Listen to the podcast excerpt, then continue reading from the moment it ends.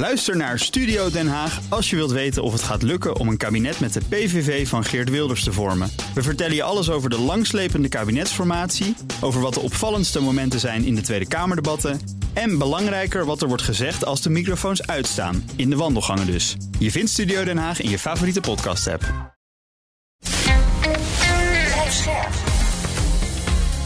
BNR Nieuwsradio.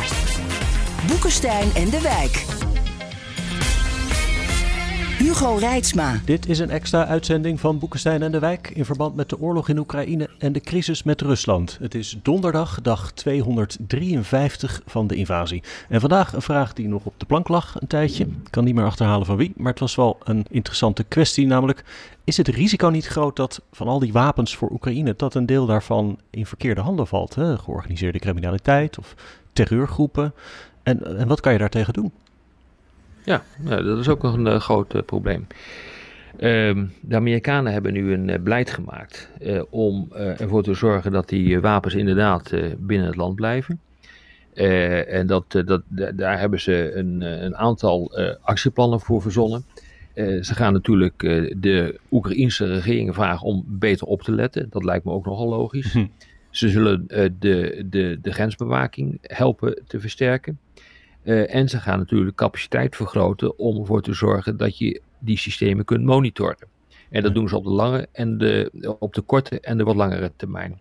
Dus uh, daar wordt nu rekening mee gehouden. Het meest interessante is waarom ze dat doen, is niet omdat ze het gevoel hebben dat op dit ogenblik er nou heel erg veel uh, wapens in verkeerde handen terechtkomen.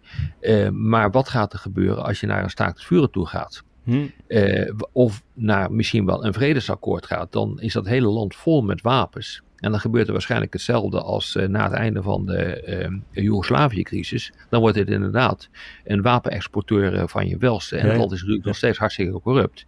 Dus die kans is vrij groot dat dat dan compleet uit de klauwen loopt. Maar zolang als die oorlog duurt, heb je al die wapens daar gewoon nodig. En is er een belangrijke druk ook op, op iedereen om die wapens inderdaad te gebruiken voor waar ze voor bedoeld zijn.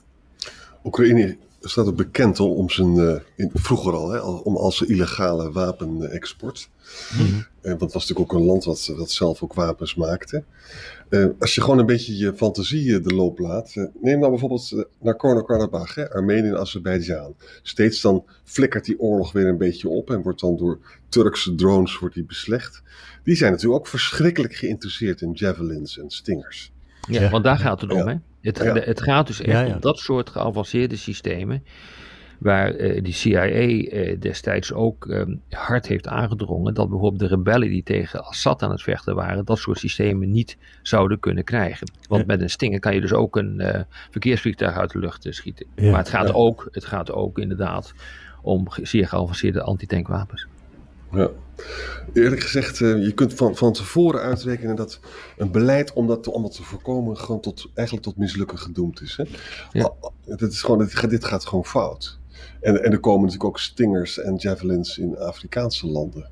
Ja, die, ja, die kans is natuurlijk gewoon uh, heel erg uh, groot dat dat gaat, uh, gaat gebeuren. Want nou ja, wat ik, wat ik zeg, toen de Joegoslavië-oorlogen ophielden te, te, bestaan in de jaren negentig, daarna werd dat land natuurlijk gewoon een enorme exporteur van allerlei fout, fout materieel. Maar je ziet dus nu, een van de, de, plannen is dus om de grenscontroles te verbeteren. En dan moet je bijvoorbeeld ook heel goed gaan kijken wat er gebeurt in, in, Moldovië, in, in Moldova. Ja. daar heb je Transnistrië, dat wordt door de Russen feitelijk ge gecontroleerd als een deel van het land. Uh, ja, en je ziet dus nu al dat de aandacht zich daarop uh, op richt. En wat er tot nu toe is opgepakt uh, in Moldova, dat valt nogal mee. Dat, dat, dat is beperkt tot enkele tientallen wapens. dat zijn dus niet de duizenden die, die je zou kunnen verwachten. En in Afghanistan hebben de Amerikanen ook heel veel wapens achtergelaten. Ja. En die kunnen bijvoorbeeld in de handen van Iran uh, terechtkomen.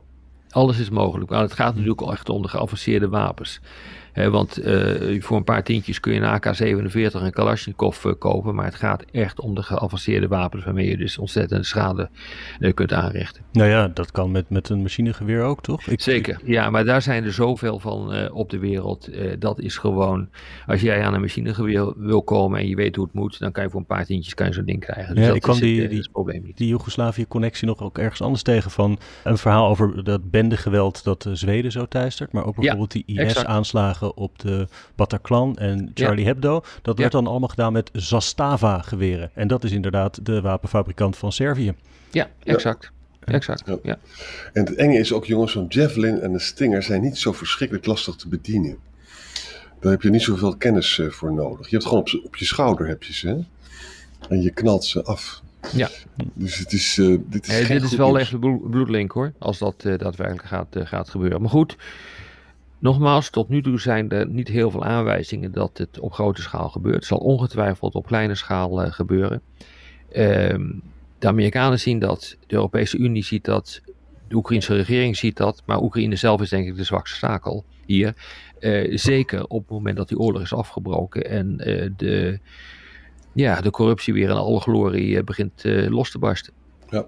Uh, en leuk natuurlijk dat de Amerikanen hier nu beleid voor ontwikkelen. Maar is het niet vooral iets voor ons? Want je smokkelt zo'n stinger niet zo makkelijk naar Amerika. Maar ja. in een achterbak uh, zit je zo in Europa. Ja, dat doet de Europese Unie ook. Hè. Die is daar ook uh, op dit ogenblik mee bezig. Ik heb het ja. voorbeeld genoemd van, van Moldavië, waar de Europese Unie actief is of gaat worden op dit gebied. Ja. maar die zal, ook Polen zal dit absoluut proberen tegen te houden. En eigenlijk alle landen daaromheen. En Frontex, de. de uh, de EU-grensbewakingsorganisatie, die uh, is hier ook enorm mee bezig. En die ziet op dit ogenblik, voor zover ik de rapportages goed begrijp, uh, niet echt een significante toename van de, van de wapensmokkel die gerelateerd is aan Oekraïne. Huh. Tot nu toe. Ja. ja nu, nu, hebben ze het gewoon feestelijk nodig in de Oekraïne. Ja, exact. Dat is, dat is het hele punt. Ja, dat is het hele punt. Ja. Is dit hem? Hebben we het nou goed beantwoord? Ik denk het wel. Ik denk het wel. Dan, zien we dan gaan we morgen weer verder. En ja. morgen is het vrijdag en dan even kijken. Elf, nee, later. 12 uur moet ik er pas zijn. Zeg, zeg nog even tot morgen to, tot elkaar, anders zijn oh, ja. de luisteraars in de war. Tot, tot, tot morgen. morgen. Ja, tot morgen. Bij BNR ben je altijd als eerste op de hoogte van het laatste nieuws. Luister dagelijks live via internet. Bas van Werven. En heel langzaam komt de zon op rond dit tijdstip. Je krijgt inzicht in de dag die komt op BNR, het Binnenhof in Nederland en de rest van de wereld. De Ochtendspits. Voor de beste start van je werkdag. Blijf scherp en mis niets.